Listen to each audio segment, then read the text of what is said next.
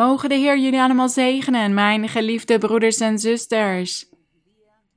We zijn weer samengekomen en we gaan door in deze strijd. Het is een moeilijk moment, een moment van verdriet, een moment van pijn dat we aan het meemaken zijn.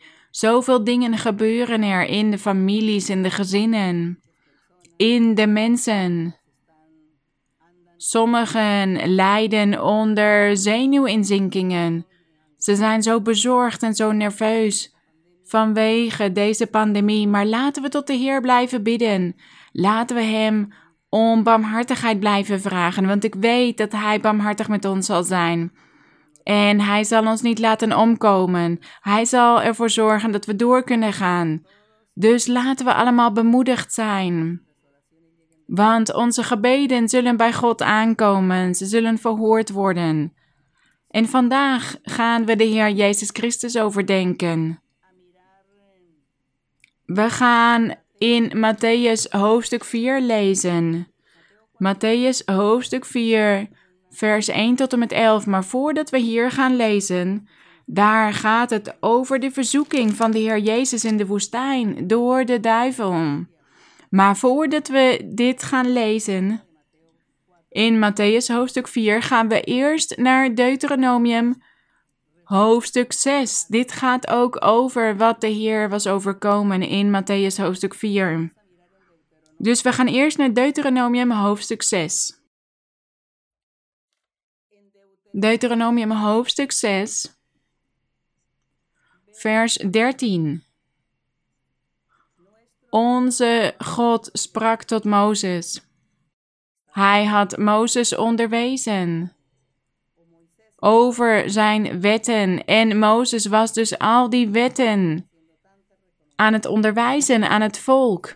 En hij bracht hen in herinnering dat ze de geboden van God in acht moesten nemen. Want God had Mozes geopenbaard dat hij zou overlijden. En Mozes voelde die verplichting om de wet weer opnieuw te vertellen aan het volk, om het in herinnering te brengen al die geboden van de Heer, zodat ze gehoorzaam zouden zijn. En God zei bijvoorbeeld tegen Mozes dat het volk van Israël en daarna ook alle andere mannen en vrouwen over de wereld dat ze ontzag moesten hebben voor God en dat ze alleen God mochten dienen, dat zij geen afgoden mochten dienen. Want in die tijd waren er ook vele afgoden en velen waren demonen en doden en afgoden aan het vereren en aan het aanbidden. Er was zoveel afgoderij. En daarom zei Mozes tegen hen: Vergeet het niet. In vers 13 zei hij: U moet de Heere uw God vrezen. Alleen Hem dienen en bij Zijn naam zweren. Dit was een bevel van onze God. En toen de Heer werd verzocht door de duivel in de woestijn, sprak hij ook over dit gebod. En we gaan er straks over lezen hoe de Heer Jezus Christus hem antwoord gaf. Hij had tegen de duivel gezegd: Herinner je dat God heeft opgedragen dat we alleen God mogen dienen en ontzag moeten hebben voor God of God moeten vrezen. Dus we zien hier dat de Heer Jezus tegen de duivel zei dat hij God was. Hij was zichzelf niet met God aan het vergelijken, maar hij zei dat hij God zelf was. En daarom zei hij tegen de duivel: Jij moet mij respecteren. Want God zelf heeft gezegd dat alleen Hij gediend mag worden. En daar gaan we straks over lezen in Matthäus 4, over dat voorstel dat de duivel de Heer deed. En door de Heer dit voorstel te doen, respecteerde en waardeerde hij de Heer Jezus niet, want de duivel wist dat hij God was. De Satan wist dat de Heer Jezus God was, maar dat hij zich op dat moment als een mens aan het gedragen was. En daarom maakte hij gebruik van dat moment om hem in een val te laten trappen, om te kijken of hij een fout zou begaan. Maar de Heer zei tegen hem: Ik ben God en je moet mij respecteren, want zo staat het in de wet opgeschreven. Alleen Hem moeten we dienen. En in vers 16 staat ditzelfde, dezezelfde aanbeveling of ditzelfde gebod. U mag de Heere uw God niet op de proef stellen. Op de proef stellen of verzoeken. U mag de Heere niet op de proef stellen of niet verzoeken, zoals u hem bij Massa op de proef gesteld hebt of verzocht hebt. Toen zij tegen de Heer zeiden dat zij zouden overlijden van de dorst en dat God er maar voor moest zorgen dat er water uit de hemel zou komen of vlees uit de hemel zal neervallen. Maar zij zeiden dit om God op de proef te stellen, om God te verzoeken. Hij, ze zeiden tegen Mozes: Ja, is het wel waar dat God bij ons is, dat God ons zal helpen? Laat dan vlees uit de hemel vallen, of laat dan water verschijnen. Daarom was God zo boos geworden, want ze zeiden dit op een verkeerde manier. Ze beproefden hem, ze stelden de Heer op de proef, want ze hadden moeten weten dat God hen in alle behoeften zou voorzien. Het was niet nodig dat ze dit zo aan de Heer gingen vragen. En daarom was Mozes ook boos geworden op het volk, want ze vertrouwden niet genoeg op God. En hier was Mozes ook de nieuwe generatie dit aan het vertellen. Hij zei tegen hen: Trap niet in diezelfde val als jullie voorouders, die de Heer hebben beproefd in de woestijn. Jullie moeten de Heer respecteren en ontzag voor Hem hebben. En laten we nu naar Psalm gaan, naar het boek Psalmen, naar Psalm 91, vers 12. Psalm 91, vers 12. Dit vers gaat ook over onze Heer Jezus Christus, over die ervaring die hij had gehad in Matthäus 4, waar we straks over gaan lezen. In die situatie waar hij zich toen in bevond met de duivel, God had hier al over geschreven door middel van zijn profeten. In dit geval door middel van David, de profeet en de koning. Hij had hier al gesproken over die zaligmaker, over de Messias die zou komen in de toekomst. En dat de duivel hem ook zou willen laten vallen. In Psalm 91, vers 12. Maar laten we eerst in vers 9 lezen. Want u, Heere, bent mijn toevlucht. De Allerhoogste hebt u tot uw woning gemaakt. Geen onheil zal u overkomen, geen plaag zal uw tent naderen. En het gaat hier over de Heer Jezus Christus. Want hij zal voor u zijn engelen bevel geven, dat zij u bewaren op al uw wegen. Zij zullen u op de handen dragen, zodat uw voet aan geen steen stoot. Dit was de belofte die de Vader bij monden van de profeet aan de Heer Jezus had gedaan. Voor dat moment waarop hij op de aarde het evangelie zou verkondigen. En de Heer kende deze beloften en hij kende deze geloofsleer. En de duivel ook, en zo probeerde hij hem te verzoeken. Hij probeerde hem te beproeven om te kijken of hij in de val zou trappen. En laten we nu dan lezen in Matthäus hoofdstuk 4, vers 1 tot en met 11. Om te zien wat de Heer Jezus zei tegen de duivel toen hij hem beproefde. In Matthäus hoofdstuk 4, vers 1 tot en met 11 laten we snel lezen. Toen werd Jezus door de geest weggeleid naar de woestijn om verzocht te worden door de duivel. En we weten dat de Heer Jezus de zaligmaker was, de verlosser. En hij was op de aarde zijn evangelie aan het verkondigen. Hij was al zijn werk aan het verrichten en op dit moment had hij deze ontmoeting met de duivel. Hij werd beproefd of verzocht. Vers 2. En nadat hij veertig dagen en veertig nachten had gevast, kreeg hij tenslotte honger. En de verzoeker, oftewel de Satan, kwam bij hem en zei: Als u Gods zoon bent, zeg dan dat deze stenen broden worden. De Heer zou dit kunnen doen, want hij was God. Hij zou van stenen broden kunnen maken, maar hij hoefde de duivel niet te gehoorzamen. En daarom gaf de Heer dit antwoord in vers 4. Maar hij antwoordde en zei: Er staat geschreven: De mens zal niet van brood alleen leven, maar van elk woord dat uit de mond van God komt. Dit antwoord gaf hij de duivel. Hij zei: Waarom wil jij dat ik van deze stenen broden maak? Je zegt dit nu tegen mij omdat ik honger heb, omdat ik veertig dagen en nachten lang gevast heb. En daarom zeg je mij nu dat ik deze stenen in broden moet veranderen om mijn honger te stillen. Maar dat is niet het belangrijkste, zei hij tegen de duivel. Want wij kunnen leven van de woorden van God en God zal ons onderhouden. Het materiële is niet belangrijk. Hij zal ons dat voedsel geven dat wij nodig hebben, maar ook het geestelijk voedsel. En dan zullen we geen honger voelen. Daarom zei hij: Van elk woord dat uit de mond van God komt, dat zal de mens leven geven. Maar hij had het hier over het eeuwige leven. Het eeuwige leven, dat is belangrijker dan het fysieke leven. Dat is wat het woord van God ons geeft. Vers 5. Toen nam de duivel hem mee naar de heilige stad, oftewel naar Jeruzalem, en zette hem op het hoogste gedeelte van de tempel. We zien hier dat de Heer hier in de geest was.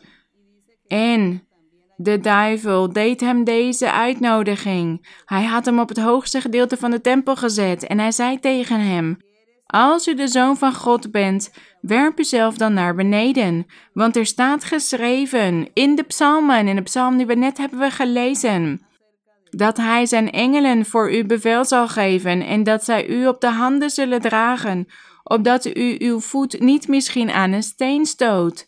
Kijk hoe scherpzinnig de duivel hier was. Hij gebruikte de geloofsleer. Hij kent de geloofsleer en hij gebruikte die om de Heer te verzoeken. Hij zei: Je kan jezelf naar beneden werpen en er zal je niks overkomen, want er staat geschreven dat de engelen je zullen opvangen. Dat ze jou op de handen zullen dragen, dus er zal je niks overkomen. Maar hij wilde dat de Heer zich onderwierp aan hem. Onderwierp aan de wil van de duivel. Dat de Heer zou doen wat de duivel wilde. Maar de Heer heeft het niet gedaan. En hij heeft alle theorieën van de duivel weerlegd met de geloofsleer. En dit onderwijst ons dat wij de geloofsleer moeten kennen, goed moeten kennen, zodat wanneer de duivel naar ons toe komt om ons te beproeven of om ons te verzoeken, om ons onder druk te zetten door bepaalde dingen tegen ons te zeggen, want hij gebruikt ook onze familieleden of welk middel dan ook om een kind van God, een volgeling van het evangelie onder druk te zetten en te verleiden of te beproeven. En hij zegt dan, hij laat dan iemand zeggen: Ga jij niet naar die kerk waar God spreekt? En waarom maak je dan deze moeilijke momenten mee? Of waarom heb je dan niet wat je wil? Of waarom laat jouw God deze, jou deze dingen beleven? Want de duivel kent ook de beloften. En hij kent de geloofsleer, hij kent de onderrichten. En die dingen gebruikt hij om ons onder druk te zetten, zodat wij ons aan Hem onderwerpen en dat wij Hem de aandacht geven en dat wij dus gaan doen wat Hij van ons wil. Dus dit is een belangrijk onderricht voor ons. We moeten de geloofsleer kennen. Goed kennen dat wanneer de duivel naar ons toe komt om ons te beproeven, dat wij onszelf kunnen verdedigen met alle argumenten van de geloofsleer. Met de geloofsleer zelf, zo moeten wij hem verslaan. Zo moeten we de duivel verslaan met de geloofsleer. En hier zei dus de duivel tegen hem: Ja, de engelen zullen je op de handen dragen. Maar de Heer Jezus zei tegen hem in vers 7: Er staat eveneens geschreven: U zult de Heere uw God niet verzoeken. Dit staat in Deuteronomium, waar we over de geboden hebben gelezen, dat niemand de Heer hoort te verzoeken. En dat hadden het, het volk van Israël had dit wel gedaan in de oude tijd, in de woestijn. En daarom had hij hen ook zwaar gestraft. En vandaag de dag kan ons hetzelfde overkomen. Wij horen God niet op de proef te stellen. We moeten juist zijn wil respecteren en zijn wil doen. En ons neerleggen bij zijn wil. Door ook op zijn barmhartigheid te vertrouwen en hem te waarderen en hem te respecteren, dan zal hij ons zegenen op vele aspecten in ons leven. Vers 8. Opnieuw nam de duivel hem mee, nu naar een zeer hoge berg. En hij liet hem al de koninkrijken van de wereld zien met een heerlijkheid. En zei tegen hem: Dit alles zal ik u geven als u knielt en mij aanbidt. Kijk naar de scherpzinnigheid van de duivel. Hij vroeg aan de Heer om voor hem te knielen en hem te aanbidden, en dan zou hij hem de rijkdommen van de wereld geven. Maar wat zei de Heer tegen hem in vers 10? Ga weg, Satan, want er staat geschreven: De Heere uw God zult u aanbieden en hem alleen dienen.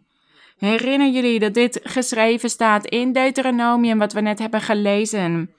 De Heer had Mozes de geboden gegeven. En Mozes las die op aan het volk. En hij bracht die in herinnering, al die geboden, en zei ook: U zult alleen de Heer dienen. De Heere uw God zult u aanbidden en Hem alleen dienen. En dit is wat de Heer Jezus Christus tegen de duivel zei. Wij horen alleen God te dienen en Hem te aanbidden en Hem te waarderen. En de duivel, wat deed hij toen in vers 11? Toen liet de duivel hem gaan en zie, engelen kwamen en dienden hem. En wat hebben we hier dus gelezen? Dat de duivel de Heer Jezus had verzocht. En dat hij hem wilde verzwakken, omdat hij dacht hij heeft honger en nu kan ik hem zwak maken. Maar dit is niet zo. Dit is niet gebeurd en hij laat ons hiermee zien. De Heer laat ons hiermee zien dat we sterk horen te zijn en dat we wijs moeten handelen op het juiste moment. En dat wij ons niet moeten laten verleiden door de listen van de duivel. Dus voorwaarts, mijn geliefde broeders en zusters, en ook voorwaarts, al die luisteraars. Jullie die luisteren naar deze overdenkingen, vertrouw op God en bid tot God en vraag onze Vader alles in de naam van onze Heer Jezus Christus, zijn geliefde Zoon. En dan zullen jullie zien hoe God jullie in al jullie behoeften zal voorzien. Laten we bidden. Hemelse Vader, eeuwige God, Vader van onze Heer Jezus Christus, wij loven u en wij danken u en wij geven u de glorie en de eer en de lofuiting. Wij zegenen u, mijn Heer. Van u is het koninkrijk en de macht en de wil. Uw wil is boven alles, mijn Heer. En wij willen ons onderwerpen aan uw wil. En wij willen u waarderen en u respecteren. En we willen u aanbieden en uw wegen kennen elke dag meer. En we danken u, mijn Heer, omdat u ons elke dag onderwijst. En op dit moment, Heilige Vader, vraag ik u om uw krachtige hand uit te strekken, uw genezende hand. Bevrijd en genees alle mannen en vrouwen die zoveel verschillende ziekten in hen hebben fysieke ziekten en ook psychische ziekten. Neem ook alle kwalen en elk pijn weg, elke ziekte. Verhoor de gebeden. Kijk naar die hartverlangens en voorzie iedereen van alles en neem ook hekserijen en toverijen weg en vervloekingen en de vallen van de duivel, de jaloezie van de duivel tegen degenen die uw weg willen volgen. Help ons, mijn Heer, bevrijd ons en reinig ons.